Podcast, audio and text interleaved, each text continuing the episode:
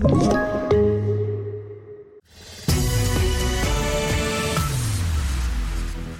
TV4-nyheterna börjar med att vi nyss fick in uppgifter att AstraZeneca får grönt ljus av den europeiska läkemedelsmyndigheten EMA.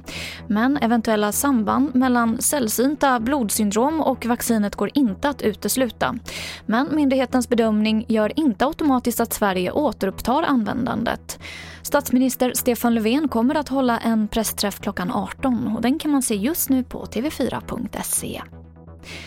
Åtta nya dödsfall har rapporterats in i covid-19 idag och totalt har nu 13 236 personer avlidit av sjukdomen i Sverige. Det här meddelade Folkhälsomyndigheten under sin pressträff tidigare i eftermiddags.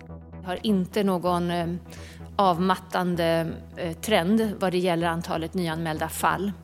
Det ser ut och vi befarar att det snarare kan bli fler fall också under innevarande vecka jämfört med förra veckan. Det sa Karin Tegmark Wisell som är avdelningschef på Folkhälsomyndigheten. Och så kan jag berätta att från och med måndag så kommer allmänheten kunna testa sig för T-celler mot coronavirus enligt SVT. Men det här menas att man testar om man har immunitet mot covid-19 utan att ha antikroppar. Och det var det senaste från TV4 Nyheterna. Jag heter Emily Olsson.